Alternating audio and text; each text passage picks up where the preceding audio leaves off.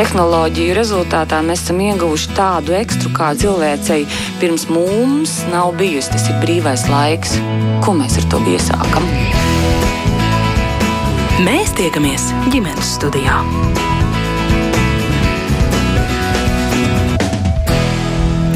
Labdien! Rīgas privātajā pirmskolas izglītības iestādē mīlestības māja tiek īstenot vadītājas Inas Grasmans izstrādāt pedagoģijas sistēma mīlestības pedagoģija, un šo skolu apmeklē gan talantīgi bērni, gan tiek īstenots pedagoģisks psiholoģisks korekcijas darbs bērniem ar uzvedības traucējumiem, kur tiek integrēta vesela bērnu kolektīvā. Skolā tiek īstenota pedagoģija, kas ir piepildīta ar apstiprinājumu stāstiem, skolotāju rakstītām vēstulēm bērniem un sarunām par emocionalitāti kvalitāti. Tāds ir Ines Grasmanas skaidrojums iestādes mājas lapā atbildot uz jautājumu, kas īsti notiek mīlestības mājā. Jo, kā jau atceraties, šo jautājumu uzdeva arī raidījuma aizliegtais paņēmiens veidotājs secinot, ka šajā izglītības iestādē bērns disciplinē sasienot rokas un kājas un berot piparus uz mēles par nesavaldīgiem vārtiem. Pārbaudas lieta no savas puses šobrīd sāc izglītības kvalitātes valsts dienas, uzsākts arī krimināla process par šajā bērnu dārzā pielietotajām metodēm, un speciālisti atzīst, ja bērna disciplinēšanā uzsvars tiek likts uz fiziska diskomforta radīšanu, tad tas ir fizisks sots, un tas nepadara bērnu labāku, gluži otrādi rada viņā vēl lielāku agresiju, un bērns kļūst rāms tikai baiļu dēļ. Vai mīlestības māja ir valsts licencēta pirmskolas izglītības iestāde un kā vecākiem pārliecināties par izglītības programmas atbilstību bērnu vajadzībām un drošību dārziņā? Jautājumi, uz kuriem es mērķis notīņu, meklēšu atbildes sarunā ar mūsu studijas viesiem un cik liels prieks, ka esat šeit studijā. Proti pie mums ir privāto pirmskolas izglītības iestāžu asociācijas vadītāja, arī privātā bērndārs Karjakīts vadītāja Daina Kājiņa. Labdien! Labdien! Un labdien arī izglītības un kvalitātes valsts dienesta pārstāvim Ivanam Jānim Mihailovam. Labdien! Un Mihailo kungs vēršos uzreiz pie jums. Tātad valsts ir licencējusi šo privāto izglītības iestādi. Jā, taisnība, valsts ir licencējuši šo privāto izglītības iestādi, un te ir jāsaka, ka licence tā ir atļauja īstenot noteiktu izglītības programmu, un šī izglītības iestāde ir iegūst tiesības īstenot gan tā saucamo parastu vispārējais izglītības programmu, gan arī speciālas izglītības programmu. Kā jau teicu, licence tā ir atļauja, un no izglītības iestādes puses tas ir apsolījums īstenot noteiktu programmu. Uh, savukārt, tad, kad ir saņemta licence, gan valsts, gan citas institūcijas, un te pirmām kārtām mēs gribam runāt gan par sabiedrību, gan par vecākiem, īsteno gan savdabīgu kvalitātes kontroli, gan īsteno arī uzraudzību. Mm -hmm. Un šobrīd arī uzraudzības iestādes, un te es gribu uzreiz teikt, ka ne tikai izglītības kvalitātes valsts dienas, bet arī valsts bērnu tiesību aizsardzības inspekcija savu darbu arī dara. Nu, bet uh, tomēr licencē, jo tas jau bija skaidrs, ka tur tiks īstenot šī īpašā mīlestības pedagoģija, kas jau nav nekur nu, licencēta. Uh, katrs pedagogs ir tiesīgs īstenot dažādas metodes, to pedagogam jādara pamatoti, un pedagogs ir tiesīgs arī izdomāt savu pieeju, savas metodes.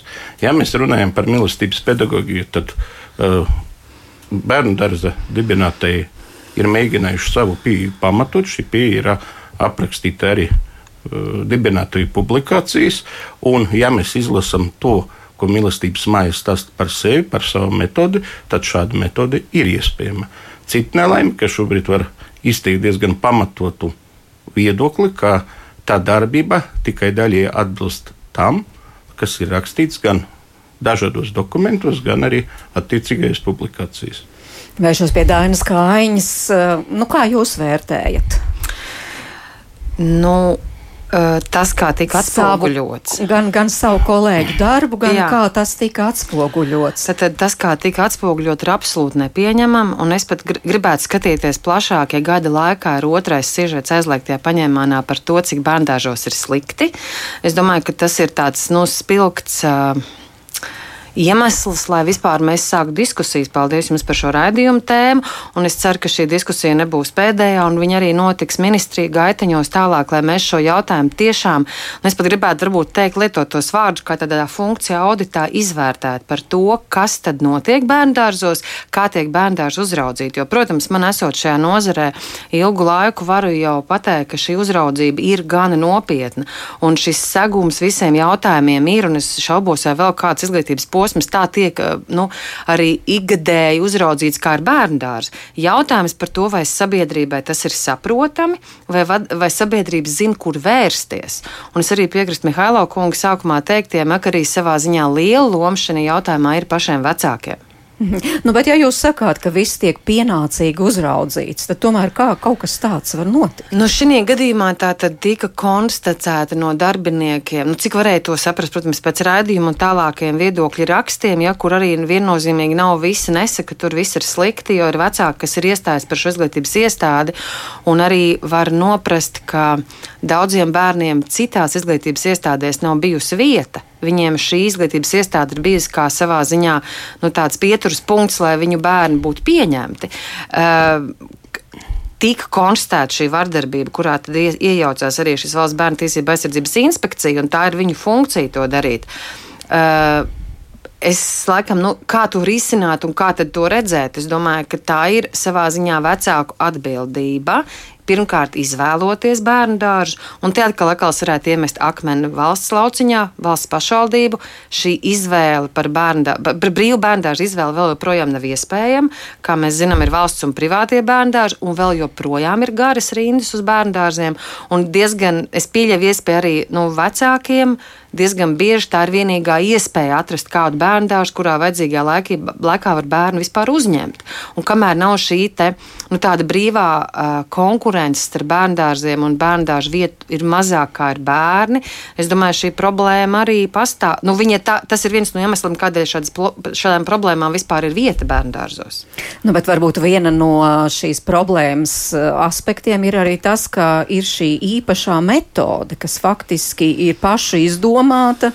Un nav nekur akreditēta. Nu, ja paskatāmies uz Kriakīts, tad, piemēram, jūs darbojaties pēc Norvēģijā izstrādāts un Latvijas videi adaptēts apmācību programmas mūsdienu bērnu daudzpusīgai attīstībai. Nu, tāpat ir šīs visiem zināmās, tur Montessori vai, um, piemēram, Valdorf pedagoģija vai zināmas metodas. Nu, Šī ir tāda pašu izdomāta. Tātad es gribētu teikt to, ka visas pirmsskolas licenzējot savas programmas, tātad ir viņas, viņām ir ir jāīsteno šī valstī noteiktā programma par bērnu sagatavošanu pamat izglītības uzsākšanai.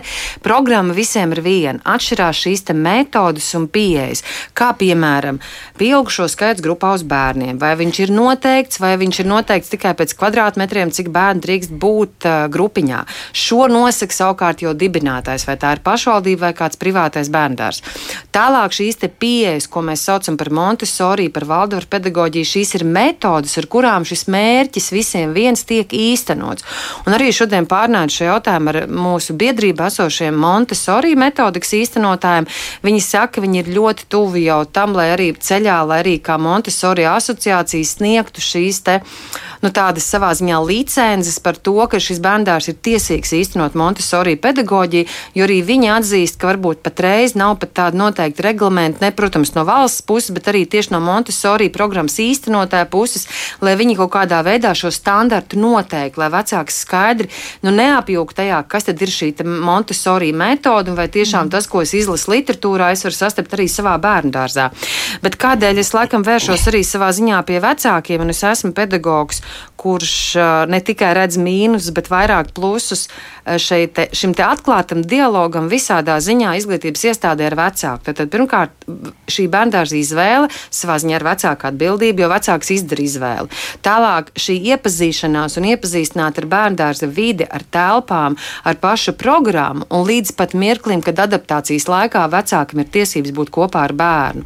Jo, ja vecāks nemaz nav iepazinis bērndārzu un vienkārši aklu uzticējies, es domāju, nu, tas arī tā, nu, man liekas, šo te problēma iespējams pēc tam uzrašanās. Bet, protams, kad ir izglītības iestāde ar pedagogiem, pedagogiem ir izglītība, izglītības iestādē ir vadība, kas arī kā komanda atbild par savām izvēlētajām metodēm un par miermīlīgu, nu, par, respektīvi par kvalitatīvu pirmsskolu. Nu jā, bet vai atkal kaut kur svaru kausos netiek uzlikts? Nu tad vecāki, nu tad izlemiet, nu tad izvēlieties, nu tad tas viss ir jūsu ziņā. Kopā kopā 50 uz 50 vecāki un pat izglītības iestāde. Tad kopā šī sadarbība, jo, ja mēs arī šim jautājumam pieskārāmies, kas mīlestības mājā šī programma tiek īstenota bērniem ar uzvedības traucējumiem, tad arī šai pusē esmu bieži praksē sastapusi vecākus, kuriem ir ielikumi nu, es pat varētu teikt tā, tāda nesekmīga izglītības iestāžu meklēšanas rezultātā ir savā ziņā aizsarga reakcija, kurā viņi neatzīst šīs sākotnēji bērnu uzvedības traucējumus, nonākot bērnu izglītības iestādē. Tātad, ja mēs konstatējam arī vardarbību, kas var notikt starp vienaudžiem, izglītības iestādes vadītāji ir jārēģē, viņai ir jābūt rīcības plānam, un diezgan bieži ir tā, ka pēc ļoti garām sarunām, diskusijām vecāks tik atzīst varbūt kādu aizbergu neredzamo daļu, par ko mēs nebijām pat nojautuši. Līdz ar to šis atklātais dialogs starp izglītības iestādi un bērnu vecākiem no pirmās minūtes viņam ir jābūt maksimāli atvērtam. Jo galu beigās vecāki vēlas savam bērnam labāku un izglītības iestādi, tad konfliktam nav pamats un ar to ir jāsāk. Nevis jāsagaida konflikta kaut kāda eskalācija un tad mēs sākam to risināt. Nu, te ieskanējās par bērniem ar īpašām vajadzībām, vai ir arī kādas īpašas prasības bērnu dārziem, ja tiek pieņemts bērns ar īpašām vajadzībām? Protams, ir, bet es gribu, ja drīkst paturpināt kolēģis teikto. Kādu uzraudzības sistēmu neizveidotu valsts, tomēr visvairāk ar bērnu pavada laika vecāks. Un tieši vecākam iespēja pamanīt, ja pēkšņi kaut kas ir mainījis bērna uzvedību vai bērna garstāvokli. Tieši, manuprāt, vecākam ir iespēja runāt ar savu bērnu un atvainojas par tādu izteikumu, ieraudzīt savu bērnu. Un šajā gadījumā arī tieši ja būtu ātrāka vecāku reakcija, vecāku iesaiste, būtu iespējams, ka vecāks ziņotu, ka kaut kas uztrauc vecāku, tad arī ātrāk būtu iespējams atrisināt konkrētu lietu. Nu, bet ziņo jau vecāki. Es skatos, ka arī vismaz uzraugošās institūcijas saka, ka uh, tiek ziņots, ka šo ziņojumu skaits aizvien pieaug. Nu, piemēram, sūdzības ir par galvenokārt personāla vardarbīgas izturēšanos, personāla vardarbīgu izturēšanos pret bērniem, par nepiemērotām bēr telpām, kurās bērni bērnu uzturas, par to, ka tiek gūtas traumas un savainojumi, ka notiek bērnu savstarpējā tieši, vardarbība un tā tālāk. Jā, par to tā, viss tiek ziņots. Bet, bet es šajā gadījumā runāju par konkrētu iestādi.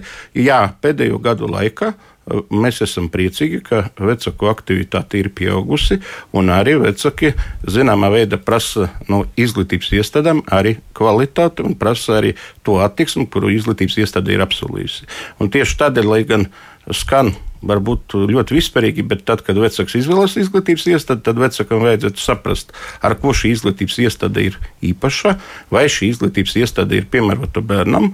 Jo, būsim godīgi, dažreiz vecākam var būt dažādas ambīcijas, bet ir tomēr jācenšas samērīgi novērtēt, ko var izdarīt vecāks, ko var izdarīt konkrētais bērns un ko var izdarīt konkrēta iestāde. Mm -hmm. Un tad vēl viena, manuprāt, ļoti svarīga lieta, tas ir tiešām vērot savu bērnu ko, komunicēt ar bērnu, jo arī ļoti laba iestāde var mainīties. Pedagogs var mainīties, aukle, jo situācija var mainīties, situācija var pasliktināties. Nu, bet tomēr precizējam, jūs tā tad teicāt valsts licencē, es gribu vēlreiz saprast valsts Jā. licence, un pēc tam tad tālāk var teikt ir vecāku uzraudzība. Nekāda... Tas nav tā kā skolās, piemēram, skolās ik pēc sešiem gadiem notiek pārakreditācija, un starp citu paldies arī klausītājiem, kuri iesaistās mūsu sarunā, un, piemēram, Kārlis tomēr grib precizēt, kā tieši notiek bērnu dārza uzraudzība, cik bieži, vai tiek intervēti bērni un vecāki un tam līdzīgi. Uh -huh. Eh, kolēģi jau grib atbildēt, nu, noteikti atbildēs arī apstiprinoši, bet es atļaušos uh, to formālu pusi izstāstīt. Tad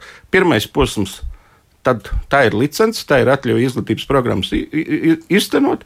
Otrais posms, tā ir izglītības iestādes vadītāja profesionālas darbības novērtēšana.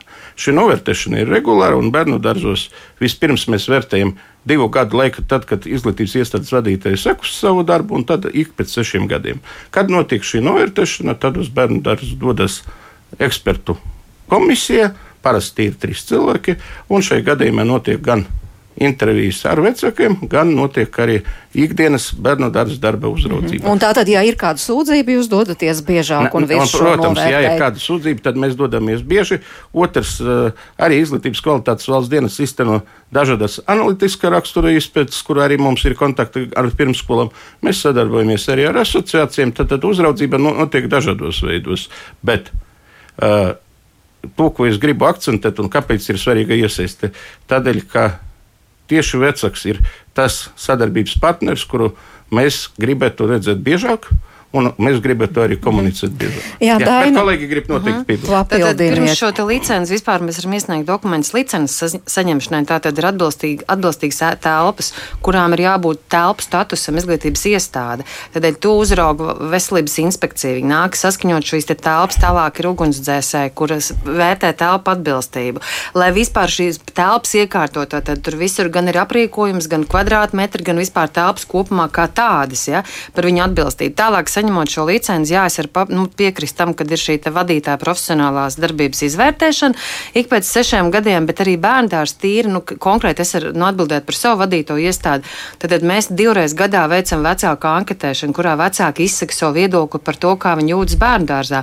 Bet tā arī varbūt ir tāda bērndārza nu, kopējā vērtēšana, lai mēs saprastu, kur kādām problēmām pievērst uzmanību, ja tādas ir identificējamas. Bet atkal, nu, esam saskārušies praksē diezgan bieži tādiem gadījumiem, jautājumiem, kurus atkal gribētu teikt, ka vispirms jau ir šī saruna un pārunas ar konkrēto cilvēku. Tieši konkrēti, kā arī Mihailo kungs teica, pēc bērna garstāvokļa, pēc bērna pašjūtas, pēc bērna patiks vai nepatiks nākt uz izglītības iestādi. Tas, man liekas, ir viens no tādiem arī ļoti svarīgiem kritērijiem. Un esmu saskārusies praksē ar šādiem gadījumiem, kad atnāk vecāks, viņš var pasūdzēties par skolotāju, bet ar manu apsolījumu, ka es skolotāju to neteikšu. Un tas jau varbūt atkal ir tāds konflikts sākums, kurā es skaidri un gaiši pasaku, es nevaru atrisināt atrisināt šo problēmu, ja es nespēju identificēt kaut kādus notikumus un faktus, lai arī ar skolotāju runāt. Jo nav jau man nekāda burvi nojiņa, lai es aizietu un pateiktu, viss ir atrisināts, vai kaut kādas speciālas lēptās metodas arī tieši personāla vadībā. Un atkal es varu tikai un vienīgi uzsvērt to, ka šī savstarpējā sadarbība ir ļoti nozīmīga. Nu jā, protams, sadarbība ir no, ļoti nozīmīga, bet te ir divas lietas, kā jau jūs jau pieminējāt. Vecāki, diemžēl, tādā situācijā, ka viņi nevar tā brīvi izvēlēties, uh -huh. tas ir mhm. ļoti sarežģīti. Nu, aiziesim tur, paskatīsimies tur, tur, tur, tur, un tad mums patika tur un iesim tur. Tas nevienmēr ir tik vienkārši, vai arī, kā mums klausītājs Andrs raksta, vecāku pozitīvais viedoklis vēl ne, neko nenozīmē. Daudz vecāki paši ir vardarbīgi audzināti, tāpēc neko sliktu šajā metodē nesaskat. Mm, nu, to es... mēs arī redzējām jau pēc šī raidījuma komentāros, ko vecāki ir teikuši. Droši vien ne mums par to spriest, un ne mēs varam to analizēt, jo mēs dzirdējām tādu vienpusēju tādu atspoguļojumu, ja tālāk tikai komentārus eh, par to. Savukārt, atkal šeit jau iestājās arī katra pedagoga un katra bērndārza darbinieka atbildība. Ja, mēs, ja mums ir kaut kāds pamatots aizdomas par vardarbību ģimenē, tad arī mūsu pienākums ir rīkoties un informēt par to valsts bērnu tiesību aizsardzības inspekciju. Bet es domāju, šajā gadījumā tāpat nav vardarbība laulību ģimenē vienkārši vecāks uzskata, nu, ka tā ir labi, nu, ka tur ir viss kārtībā, ka nekā slikta tur nav. Nu, ja mēs ats, mm -hmm. atceramies par šīm metodēm, nu, kaut vai piparu uz mēles, ka tas ir ok. Nu, visticamāk, es domāju, ka šiem vecākiem bērni no konkrētās metodas varbūt nemaz paši piedzīvojuši. Un to mēs arī mēs varam tikai minēt, kā tas ir bijis un kā tas tika atspoguļots. Uh, tur šim vizuālam materiālam, rokas kājas iešana, protams, iespējas bija nu, tāds, jāsaka, ļoti nepatīkams. Ja, un, protams, ka uh, šī vizualizācija nebija no bērnu dārza, šī bija tā kā nu, veidota. Ja, un, protams, kad arī žurnālistu uzdevums atstāt šo iespēju uz sabiedrību. Un ļoti labi atceros arī pēc pirmā šī aizliegtā paņēmiena raidījuma, kas notika Rīgas bērnu dārzā vienā. Tieši arī mērķis jau teica, kur līdzīga praksa ir bijusi Skandināvijā, lai, Skandināvijā, lai pievērstu pirmsskolē kā nozarei tādu valsts politikas atbildību un kā, nu, atbalstu vai viņi novērtētu šo nozari. Jo man liekas, par šo nozari sit no visām pusēm. Pedagoģa deficīts ir ļoti izteikts, kas bērndāžos strādā nav. Tiem, kas atnāk strādāt arī ir apmēram tā, ka visu laiku uz robežas es varu atrast citu darbu, eh, vieglāku darbu. Ja tad eh, tiek pieminēta par to, ka grūti ir ar vecākiem sadarboties, lai gan es to atkal droši vien varētu oponēt. Un šīs grūtības un problēmas viņas tiek nepārtraukti publiskotas, rādītas, demonstrētas. Un es domāju, ka vienai laimīgai ģimenei, kurā ir ienācis bērns pasaulē, tagad atrast bērnu ar savām ambīcijām, kur nav šo pozitīvo nu, tādu vispār priekšstatu par bērnu dārzu. Es domāju, ka ir ļoti, ļoti grūti. Un tad, protams, notiek no mutes mutē, kā es saku, bērnu dārza labākā reklāma ir vecāks vecākam, ja kad viens otram atsaucoties to meklē. Bet nu, šis arī ir priekšvēlēšana laiks, kurā es domāju, arī mēs kā asociācija vērsīsim nākamajiem politiķiem saimai uzmanību par to, ka Latvijā ir jābūt dienai, ka šīs pirmsskolas izglītība tiks nodrošināta vienlīdzīgi. Un līdzīgi kā ar Skandināvijā, vecākam īsti nebūs starpības privāts vai pašvaldības, jo patreiz arī tā kā bumba tiek mētāta no nozares nozarē, lai gan, laikam, to es sākumā pat nepateicu, kad arī jau, lai pirms daudz gadiem, 2009. gadā, bet šis dokuments joprojām ir pieejams, kur funkcija auditā skaidri tika identificēts. Uzraudzība privātam un pašvaldības no valsts puses ir identiska privātam un pašvaldības bērndārzam uzraudzība ir identiska. Dibinātājs pats var noteikt kādus papildus instrumentus, bet arī funkcija auditā tika nu, identificēts, ka šīs funkcijas pat dublējās un kādreiz tiek nepareizi interpretētas. To es ļoti labi atceros, man liekas, pārtiks jomā, kur kāda pašvaldība arī uzraudzīja pārtiku, ja, un tad pārtiks veterinārais dienests, un tur arī pārbaudas aktos tika konstatēts pretrunas abiem uzraugiem. Un tas ir tas pierādījums tam, ka nevar vienmēr pastiprinot uzraudzību, nenozīmē, ka būs labāka kārtība. Jā, bet nu, pašvaldības arī ir bērndārza uzraugs kaut kādā ziņā, jo tomēr tas ir pašvaldību kontrols kontrolē, pakļautībā Un, nu, vismaz pašvaldības tādā ziņā, ne, kā tur ir ar tiem bērnu dārziem. Privātie, protams, nav ir pa, jā, tas ir tas, ko es teicu. Ja, tad, tad starpība ir dibinātājā, pašvaldības vai privāts uzņēmums, privāta mm -hmm. persona, bet, bet, fu, bet uzraudzības pilns spektrs tiek noklāts no valsts puses. Jā, jā, lai, jā bet es domāju, tā pašvaldības iesaist arī tādā ziņā, ka paš, pašvaldība atbalsta tos vecākus, kuri bērni uh, ved savus bērnus uz privātu privātu dārziņiem, un tās summas nav mazas. Tur es, piemēram, paskatījos Sigūdā 224 eiro mēnesī, Mārupē pa 325. Ja pašvaldība līdzfinansē, tad pašvaldība ir visas iespējas interesēties, kas notiek šajā bērnu dārzā. Tas ir viens. Bet te es gribu tiešām pateikt, ka uh, uzraudzība tā ir ļoti svarīga un neatņemama izglītības procesa sastāvdaļa. Bet uh, Kopumā tas ir tomēr jautājums par sabiedrības izpratni, par vardarbības prevenciju, tā ir izpratne par to, ka jūs teicat, ka daži vecāki varbūt pašiem vardarbīga pieredze, bet mēs esam priecīgi, ka tomēr ir vecāki, kas ar mums komunicē, kuriem ir cita attieksme, kuri tiešām ziņo gan par nekārtībām, gan arī par vardarbības iespējām. Un to, ka sabiedrības attieksme mainās, tā ir ļoti pozitīva tendence. Un šajā gadījumā es domāju, ka Eh, to, ka mēs diskutējam, mēs stāstām, kas ir vardarbība, mēs eh, cenšamies ar dažādi popularizēt to pareizo un vajadzīgu rīcību, tas ir ļoti, ļoti svarīgi, lai šo vardarbību tiešām mazinātu. Jo nevar nokontrolēt katru dienu pedagogu un katru dienu nokontrolēt aukli tādā viet, no tāda viedokļa, ka blakus stāvēs pārbaudītājs vai kontrolieris. Bet, ja mainās šī izpratne, ja visi zina, kā rīkoties, tad arī mainās situācija, tā izskaitā arī pirms skolas.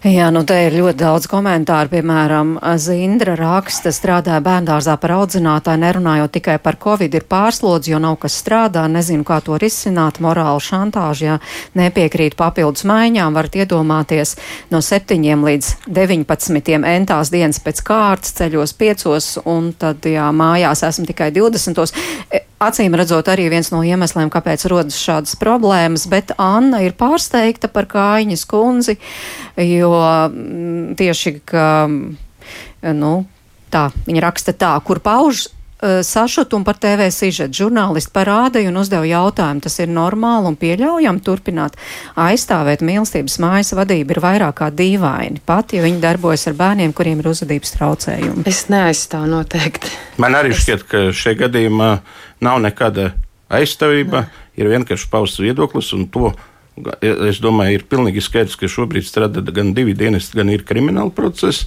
Un, uh, jā, mēs uh, gaidām objektīvus rezultātus, objektīvus izvērtējuma rezultātus, un attiecīgi tad uh, rīkosimies.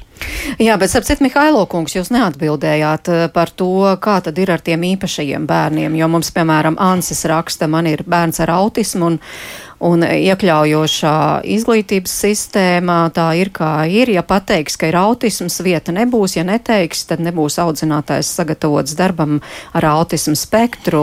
Vadītāju un audzinātāju man sejā pateica, mēs nezinām, ko ar to bērnu darīt, varam likt koridorā vienu, lai netraucē citus. Nu, ja teica, ka nezinām, ko darīt un varam likt koridorā, tad tas ir patīs traki. Un, nu, atzīsim, ka blakus vardarbībai šāda atbilde faktiski ir emocionāla vardarbība es tā pildītu. Bet, uh, jā, ja, ir, ja skola ir vai pirmskola ir apņēmusies iztenot speciālu programmu, tad attiecīgi personālam ir jābūt izglītotam vismaz vai nu speciālas izglītības kursi, vai nu attiecīgi speciālas izglītības skolotāja kvalifikācija.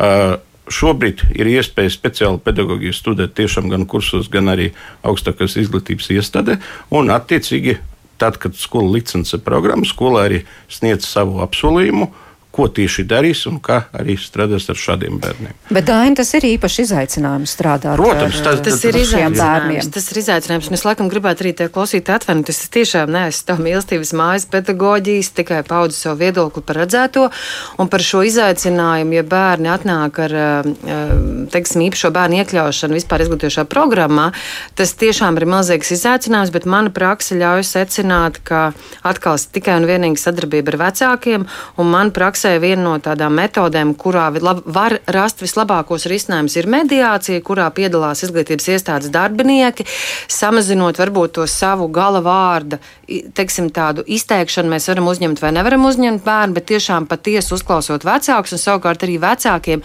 atrasties ļoti konstruktīvā sarunā, kurā netiek, nu, teiksim, kaut kādā veidā kaut kādi šantāžas elementi izteikti un meklēt labāko risinājumu katram bērnam. Un ir bērni, kuriem var palīdzēt, un ir bērni, kuriem nevar palīdzēt. Un par to ir jā, nu, jātiek skaidrībā jau pašā sākumā, pilnīgi noteikti. Un tālāk, jo šīs mediācijas rezultātā mēs vai nu pieaicinām atbalstu personālu tieši sku, grupas skolotājiem, jo nevienmēr arī varbūt agrāk iegūtā speciālā pedagoģa izglītība teiksim, ļauj palīdzēt kādam bērnam šodien. Un šī nozara ir tāda, kurā ir jāsako līdzi laika aktualitātēm, jauniem pētījumiem un tā tālāk. Es, es gribu tiešām vēl klāt pateikt, ka ne tikai speciālais pedagogs, lai gan speciālais pedagogs ir tas nozīmīgākais, bet ir gadījumi, kad ir vajadzīgs logopēds, ir gadījumi, kad vajadzīgs psihologs, ir gadījumi, kad vajadzīgs cits speciālists. Tieši tādēļ nu, gribētu teikt, ka ir jārunā vismaz ar izglītības iestādes vadītāju par to, kāds ir bērns, kāda ir bērna veselība, kādas ir problēmas.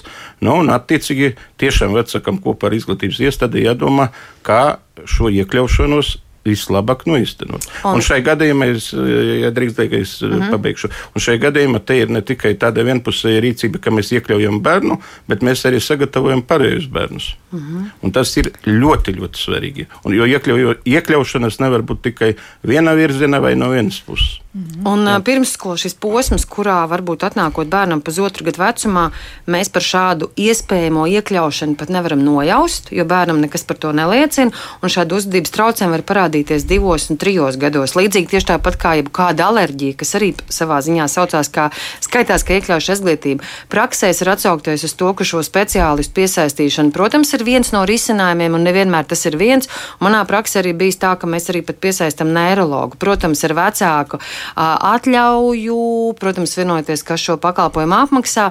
Un arī neiroloģis ir atzinis, ka iespējams viņam šī viena vizīte bērnu dārzā pie bērna ir daudz produktīvāk nekā piecas reizes bērns pie viņa kabinetā, kur atkal šī uzvedība ir pavisam atšķirīga. Bērnu viņa vidē, kur šī problēma parādās, viņa arī vislabāk ir identificēt un meklēt risinājumus. Es tikai bet... gribu piebilst, ka dažreiz ne tikai divos vai trijos gados daiga droši vien piekritīs, bet arī piecos, sešos Precīzi. un dažreiz pat arī septiņos, astoņos. Un tad ir gadījumi, kad bērnu dārzā it kā viss bija ok, -hmm. bērns aiziet uz skolu, pieaug slodze, pieaug mācību materiāla nu, komplicētības pakāpe, un tad arī parādās dažādi traucējumi vai grūtības. Jā, bet vecākiem ir jāzina, ar kādām metodēm bērnu dārzā strādās. Piemēram, nu, to gan mīlestības māja saka, ka esam ar vecākiem to saskaņojām, un vecāki piekrita, ka ar šādām metodēm strādāsim un mēģināsim palīdzēt. Bet vēl atsaucoties uz to, ko jūs šeit runājāt, piemēram, vairāk klausītāji arī tostarp Ilona raksta, ka nekāda adaptācija šobrīd nenotiek bērndārzos jau divus gadus aizbildinoties ar pandēmijas ierobežojumiem, un vecāki ir ķīlnieki negribi, nu. nenāca. No. Tātad vecākiem nav tā iespēja nu, tiešām pārliecināties, nu, kas tur notiek vai nenotiek. Laikam mazliet varu oponēt. Pandēmija mums ir bijusi nu, savā ziņā kā tāda indikācija visais šais divos gados ar to ārkārtīgi atšķirīgo pieeju un ar atšķirīgiem reglamentiem. Nu, kaut vai atceramies, kā bija Covid saslimšana pašā sākumā, ja, kad mēs ar bailēm skatījāmies oh, tas saslims un bija lielās bailēs. Ja tagad, man liekas, jau mēs vairs nezinām, nu, mūsu arī draugu paziņu un pašu lokā ar šo saslimšanu jau ir bijuši daudz skārus, un tas ir daudz vieglāk. Un, ja mēs paskatāmies tieši no šī, šī skatu punkta arī par šo pieeju bērndārzā, visas vasaras periodu, kad bērndārzos ir adaptācijas laiks, šī pandēmija ir bijusi samazinājusies, un arī tās, kas ir bijuši ieteikumi bērndārzā, vai nu sagaidīt bērnu pie durvīm, tie ir bijuši tikai ieteikumi, arī normas, var, nu, respektīvi, Es eh, kā praktiski strādājot bērngārzā, gribu pateikt to, ka nevajag izmantot pandēmiju kā iemeslu. Tas ir radījis dažādas kā, ierobežojumus, bet tādai komunikācijai tas, nu, mēs meklējam citas komunikācijas formas, kā piemēram arī bērnu izvērtēšana. Ja agrāk mēs tikāmies ar vecāku individuāli, tagad to mēs varam da darīt attālināti online, Zoom un Team platformās. Respektīvi, arī šādai iepazīšanai, vidas parādīšanai un iepazīšanās ar pedagogu vienmēr ir bijis iemesls, vienmēr bijusi iespēja, ja tas ir bijis tā kā, nu, tāda motivācija to darīt. Atgādinu mūsu klausītājiem, ka šodien pie mums studijā ir privāto pirmskolas izglītības iestāžu asociācijas vadītāja, arī privātā bērnu dārza kreakīts vadītāja Daina Kāiņa un arī izglītības un kvalitātes valsts dienesta pārstāvis Ivans Jānis Mihailovs, un mēs tā tad aizliegtā paņēmiena iesākto tematu esam nolēmuši turpināt arī ģimenes studijā, un tiešām vairāk gribam uzzināt, kā tad tiek uh, uzraudzīti īpaši privātie bērnu dārzi, un uh, arī šī otra jautājuma daļa ir, bet kā tad vecākiem, tieši tiem vecākiem, kuriem tagad bērniņam jāsāk iet bērndārzā, kā viņiem izvēlēties to īsto izglītības iestādi, ņemot vērā visus kaut vai covid ierobežojumus, nu, kur, kur tomēr joprojām pastāv un vispārējo. Un uh, tagad dzirdēsim sarunu ar pusotra gada vecā mazuļa māmu Elīnu no Jālgavas. Viņa Facebook atsaucīgo māmiņu fórumā rakstīja. Dzirdot aizliegtajā paņēmienā jau otro sižetu par drausmīgu izturēšanos pret maziem bērniem bērndārzos, man sažņaudzas viss ķermenis, jo pašai pēc pavisam neliela laika jāved savus bērnus uz bērnu dārzu. Un tā kā uz vietu pašvaldības dārziņā ģimene nevar cerēt, un pagaidām nav arī neviena brīva vieta kādā no Jelgavas pilsētas privātajām pirmskolas izglītības iestādēm, Elīna savam bērnam meklē vietu kādā no Jelgavas pilsētas māju dārziņiem. Nu, tad klausāmies, ko Elīna saka. Mēs pagaidām uh, meklējam māju dārziņus, jo nu, šajā pilsētā ir tā, ka uh, arī uz privātajiem dārziņiem ir diezgan liels rindas, un par pašvaldības dārziņu es patiesībā es jau vairs neticu, ka mēs to rindu sagaidīsim. Tāpēc mēs tagad meklējam maidārziņus, kas ir tie pa mazām grupiņām bērniņi desmit. Gabali aptuveni tur darbojās, un tad nu, šeit ir diezgan daudz tādu iespēju, no kurām var izvēlēties. Dodamies ciemos, iepazīstamies, nu, pēc tam arī izvērtēsim, uz kuru laidīsim. Pagaidām uh, svarīgākais ir nu, tīri tā komunikācija ar, ar audzinātājiem. Teikšu atklāti, tas nav tik vienkārši. Tā teikt, nolasīt cilvēku, ja tie, kas ir parastie mirstīgie, kas ar to nenodarbojās, tiem tas ir diezgan sarežģīti, jo nu, visi cenšas atstāt ļoti labu iespēju par sevi. Bet uh, pagaidām nu, skatāmies, lai uh, Nav tā, ka pārāk neiespējami ir iziet ārā, jo tie maidārziņi viņi ir kā privātajās mājās, tā kā dzīvokļos vai ne, un tad uh, doties ārā sanāk, uh, citi tur iet liels gabals, lai aiziet uz bērnu. Tad, tad, tas ir tas, uz ko mēs uh, neparakstīsimies. Uh, citreiz es izpētu Facebookā vai vienkārši internetā meklēju atsauksmes par audzinātājām, kuras tur ir. Nu, pagaidām tikai tā tas arī notiek un privāto bērnu dārzu, tad mēs izvēlamies nu, tādu, ko tiešām iesaka citi. Pagaidām varbūt metodes, eh, kā strādā, vai tas ir Montesori vai nē, tas nav būtiskākais. Galvenais ir, lai netiek izmantota šī vardarbīgā disciplinēšana. Tas ir tas, kas mani biedē. Tas ir nu, kliegt regulāri uz bērniem, tas ir uh, pazemot viņus uh, citu priekšā, tas ir uh, raustīt viņus, uzšaut viņiem. Nu, nerunāsim par visām tām radošajām metodēm, kas tika parādītas raidījumā par to mīlestības salu. Visādi tur uh, miera namiņi, roku siešana un tādas lietas. Vispār pat prātā nevarēja ienākt, ka kaut kur izmanto šādas metodes.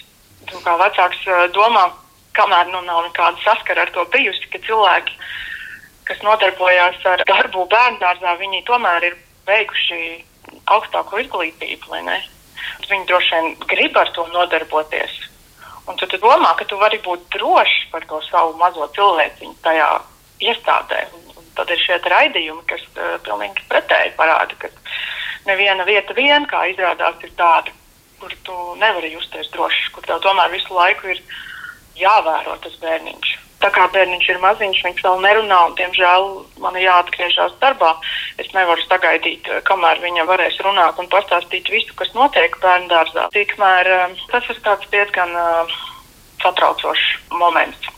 Nu, jebkurā gadījumā, pat ko mēs izvēlēsimies, mēs vērosim savu bērnu, kāds viņš atgriežas, kā viņš uzvedās, kad viņš iet uz turieni, kā viņš uh, mīja darbojas vai vienkārši izrāda savu attieksmi pret uh, audzinātājām. Un tas pagaidām ir vienīgais, ko mēs varam darīt, kā mēs uh, varam ieraudzīt, ka ir šī problēma.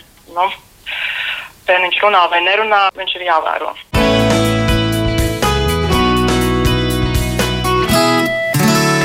Kā dzirdējām, Elīnai satraukt sirds, un viņa nav tā droša, kā tad, lai izvēlas šo īsto savam bērnam piemēroto izglītības iestādi Daina.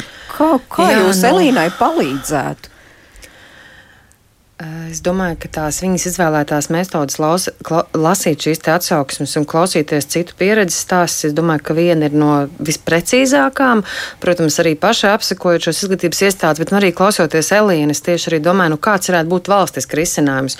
Un es arī kā šīs nozares nu, jau mm, ilgi strādājuši pārstāvi varu pateikt, ka viennozīmīgi es redzu šo risinājumu, ja mums būtu noteikti valsti arī visās, gan privātajos, gan pašvaldības bērndāžos noteikti šī pieaugušo bērnu proporcija grupiņā, kurā, protams, neatrastos viens pedagogs ar 24 bērniem, un kā arī viens skolotājs rakstīja strādāt maksimāli papildus slodzi, jo nav kas strādā. Un līdz ar to, ja, piemēram, būtu šī pieredze, kur kaut vai uz četriem bērniem mazajās grupiņās ir viens pieaugušais skolotājs un viņa palīgi vai asistenti, es domāju, ka arī šie vardarbības riski vienkārši būtu maksimāli lik, nu, likvidējami, jo pedagogi varētu no nor, nu, normālos apstākļos strādāt. Bet, nu, nu, protams, ka šis atbalsts ir vajadzīgs arī garu diskusiju rezultātā. Bet es domāju, nav jāizdomā jauns divritenis, bet jāskatās, ir citu valstu veiksmīgā pieredze. Bet es domāju, jāsāk ar to, lai vispār mūsu pirmsskolas pedagogi nāktu un pieteiktos darbā. Jo patreiz jau tajā jomā arī ir milzīga krīze par to, kur mēs atkal varbūt gaidām kaut kādu valsts atbalstu vai valsts izpratni vai vispār kā šo profesiju. Un savukārt mums, protams, arī šiem nozares pārstāvjiem ir jāsaka jāstāsta un jārunā par to, kas ir pieļaujams, kas nav vispār, lai nu, mm -hmm. mēs būtu.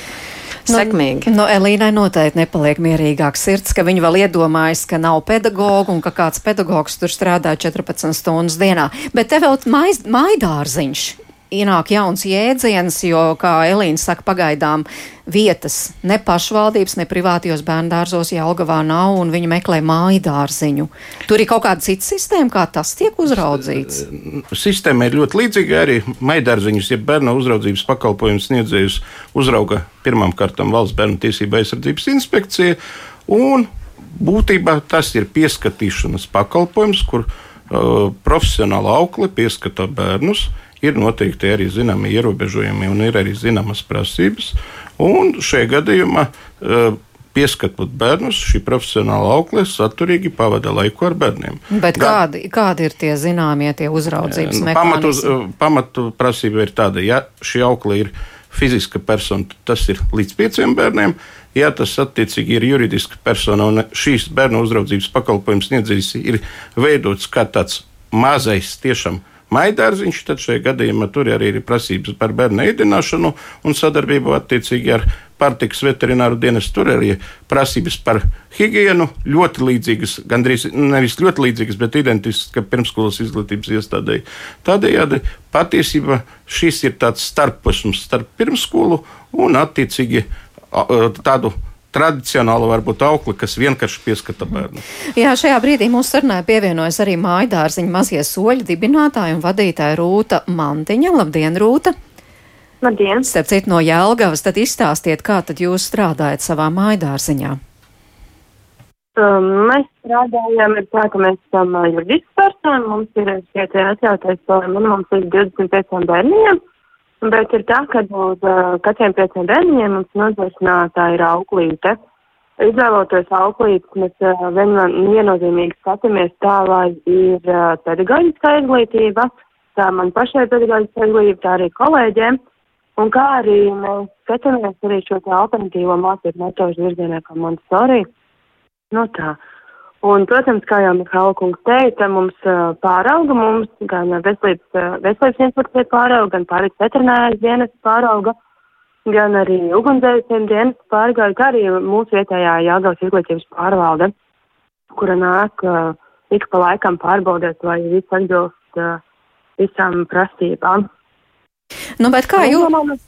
Jā, bet kā jūs atbildētu Elīnai? Viņa, starp citu, tieši mājadārziņu virzienā šobrīd lūkojas, un to ir diezgan daudz un ļoti atšķirīgi. Kāds ir tur, piemēram, dzīvokli iekārtots, kur vispār līdz uh, nu, pastaigu vietā ir jāiet krietnes gabals, kāds varbūt nenodrošina vispār ēdināšanu. Kāda būtu tie kritēriji, lai, lai justos droši vecāki, ka tur viss būs kārtībā?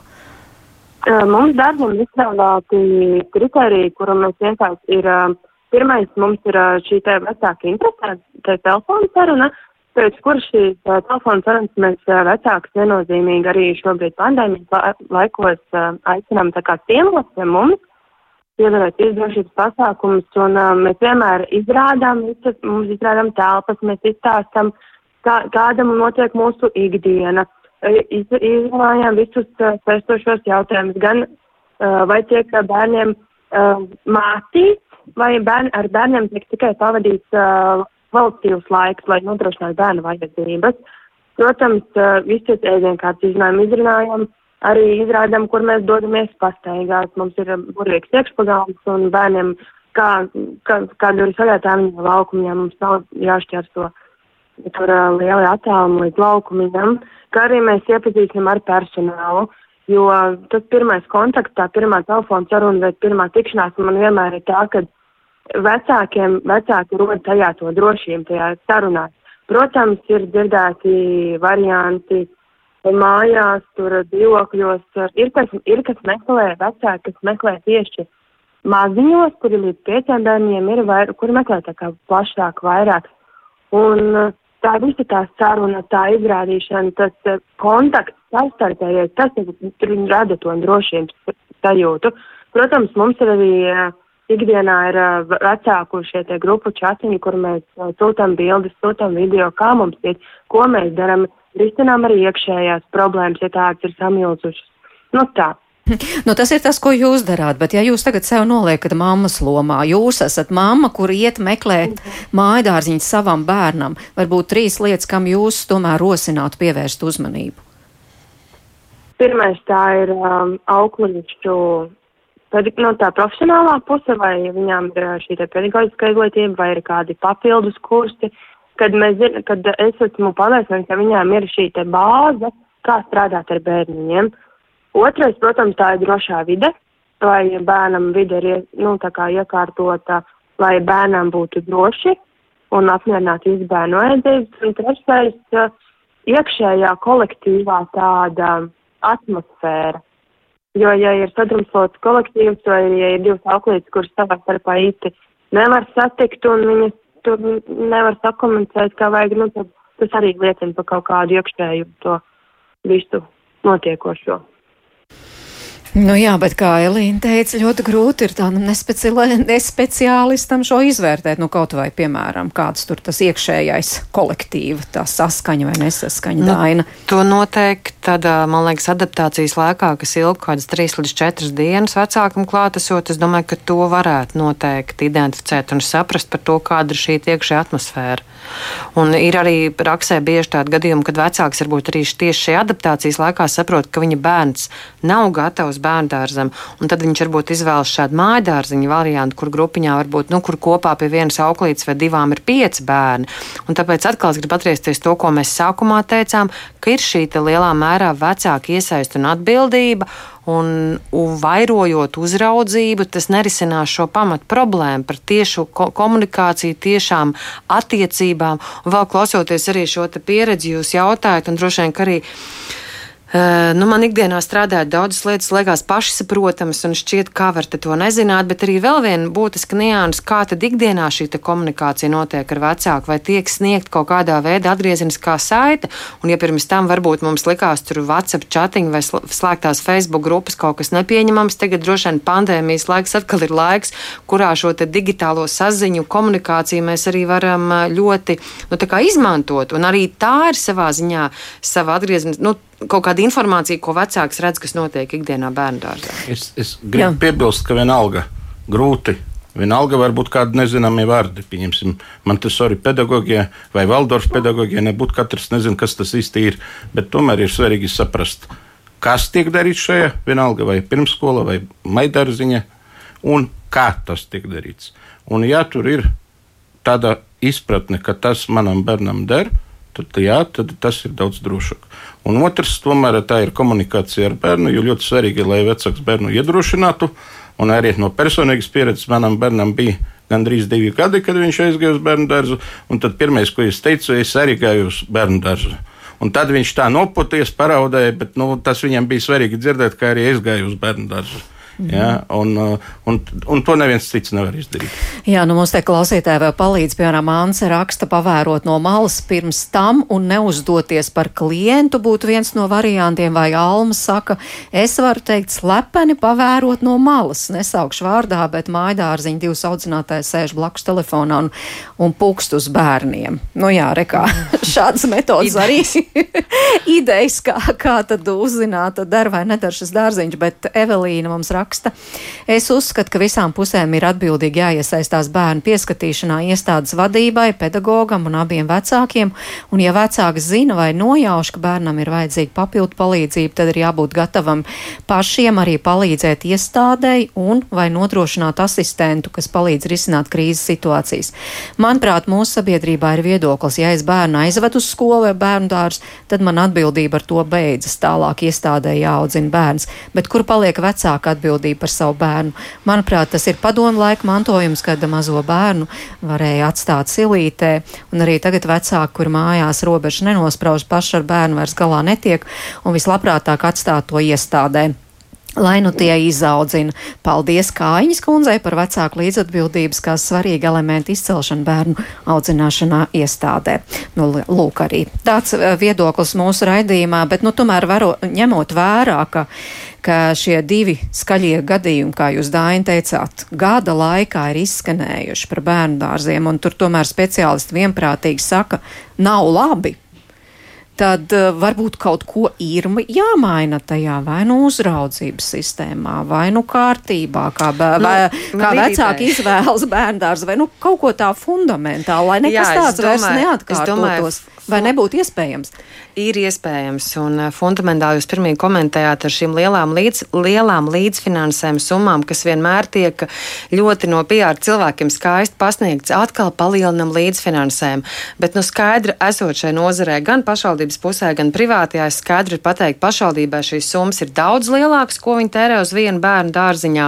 Metodika, pēc kuras aprēķina šos līdzfinansējumus, ir novecojusi. Viņi ir, manuprāt, pirmoreiz 13. gadā izstrādāti ir laiks to pārskatīt un nodrošināt visā valstī vienlīdzīgi pieejamu bērndārstu, kā jau teicu, lai rodas šī konkurence, kas viennozīmīgi arī ievies kvalitātes principu, ja, un uh, vecākam nav svarīgi privācijai pašvaldības, visi vai nu vienādi nemaksā neko, vai viss maksā vienādi. Mm nu, bet ko nozīmē tā vienlīdzīgā iespēja? Kad šī, te, šī te līdzfinansējuma summa tiek godīgi aprēķināta, un šī summā tiek iekļauts viss, nevis kā piemēram tagad uh, infrastruktūras izdevumi nav iekļauti, vecāks par privāto maksā. Vecāki bieži pārprot, viņam šķiet, ka viņi maksā par kaut kādu paaugstinātu kvalitātes standartu, bet patiesībā sakot, šī vecāka līdzmaksājuma summa ir infrastruktūra. Vai, piemēram, vēl viens konkrēts piemērs - metodikā ir iekļauta telpa noma, kas pašvaldībai nekad nebūs, jo viņiem tā, ēkas ir uzbūvēts par nodokļu maksātāju naudu. Privātais telpas nomā,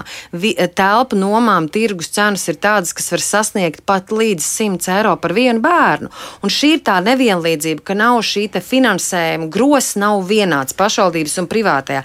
Līdz ar to privātais attīstās kā māk, pašvaldības būvē par ļoti daudz, 11 miljoniem bērnu dārzus, viņos jau nav kas strādā. Un atkal, ja mēs skatāmies no šīs politikas organizēšanas, ir jautājumi, ko uzrauga varam, jo viņi uzrauga pašvaldību, tas ir pašvaldību lietu ministrija, ir jautājumi, ko iz, izglītības zinātnes ministrija, un savā ziņā šajā demokrātijā ir liela sadrumstalotība. Un nav tāda vienota politika. Mēs politiķi iestājāmies par bērnu dārziem, lai katrā ģimenē, kurā piedzimst bērns, no viņa pusotra gada vecuma ir izvēles iespēja. Bet tas nozīmē, nu tā rupi sakot, tā tad, uh, ja valsts paaugstinās vēl šo līdzmaksājumu tiem vecākiem, kur iet uz privāto bērndārstu, tad šīs problēmas vairs nebūs? Es domāju, ka varbūt ne gluži tik vienkārši kā paaugstināt, bet izvērtēs un maksās to summu, kādu tērēs savos bērndārzos, iekļaujot visus izdevumus un aizliedzot privātam ņemt papildus naudu par šo pamatpakalpojumu grozu. Ja? Tad līdz ar to tā būtu vienlīdzīga konkurence, uz kuras bāzes privātie varētu attīstīties un veidojot šo vienlīdzīgo konkurenci, vienkārši nu, tas pakalpojums kā tāds būtu pieejamāks. Es domāju, ka te, Mihailo kungs. Jā, es domāju, te nav tāds, piedod, kolēģi, bet nav tik viennozīmīgi tikai finansējums. Jo uh, mēs zinām, ka ļoti bieži finansējums nekorelē ar kvalitāti, vai finansējuma pieaugums ne, negarantē labāku kvalitāti. Bet es izceltu trīs lietas. Pirmais, par ko jau ļoti daudz diskutē, tas ir, protams, pedagoga darbs un pedagoga profesijas prestižs. Otrs, uh, skatoties uz ārvalstu pieredzi, tā ir tomēr skaidra rīcība, kā rīkoties, ja ir konstatēta vardarbība. Ir dažādas programmas, arī šobrīd jau stipri pirms šī gadījuma mēs izglītības kvalitātes valsts dienas domājam par vienu programmu un par to, lai visi būtu skaidri informēti, kā pareizi rīkoties un ko darīt šajā situācijā. Un trešais, bērnu dārsts ir maza sabiedrība. Un līdz ar to viss, kas notiek sabiedrībā, tas notiek arī bērnu dārzā. Un ir skaidrs, ka šobrīd ir ļoti smags laiks, Mēs zinām, ka pedagoģi strādā ar pārslodzi, bet uh, cerams, ka arī pēc šī laika būs arī zināma saulīte. Un es gribu beigt tiešām uh, ar tādu pozitīvu notu, ka uh, jārisina problēma, un nevis šī problēma var būt jāattalina no risinājuma. Un tieši tādēļ ir ļoti labi, ka šīs problēmas risinām. Ir ļoti labi, ka mēs diskutējam.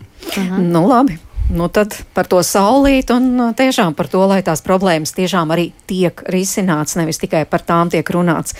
Es paldies saku arī māju dārzeņu mazie soļu dibinātāji un vadītāji Rūtai Mantiņai par iesaistīšanos un tiešām liels paldies Dainai Kāiņai no bērndās Kriakits un Ivanam Jānim Mihailovam no Izglītības un kvalitātes valsts dienest, ka atradāt laiku un atnācāt šeit uz ģimenes studiju. Paldies arī klausītājiem par aktīvu iesaistīšanos. Raidījuma producenti Ilza Zvaigzne, Rita Karnača pie pulces Mārķis Notiņa pie mikrofona un aicinu uz tikšanos rīt 5 minūtes pār diviem. Mēs runāsim par to, ka līdz šim gadījumos, ka kāds no laulātajiem pretojās laulības šķiršanai, civillikums paredzēja iespēju vienpusēji to pieprasīt tiesā pēc trīs faktiski šķirts dzīves gadiem. Tagad šis laika posms saīsināts uz vienu gadu, kā šīs izmaiņas likumā stiprinās ģimenes institūtu, kā to apgalvo grozījumu rosinātāji. No to ģimenes studijas skaidros rītdien. Lai jums labs dienas turpinājums!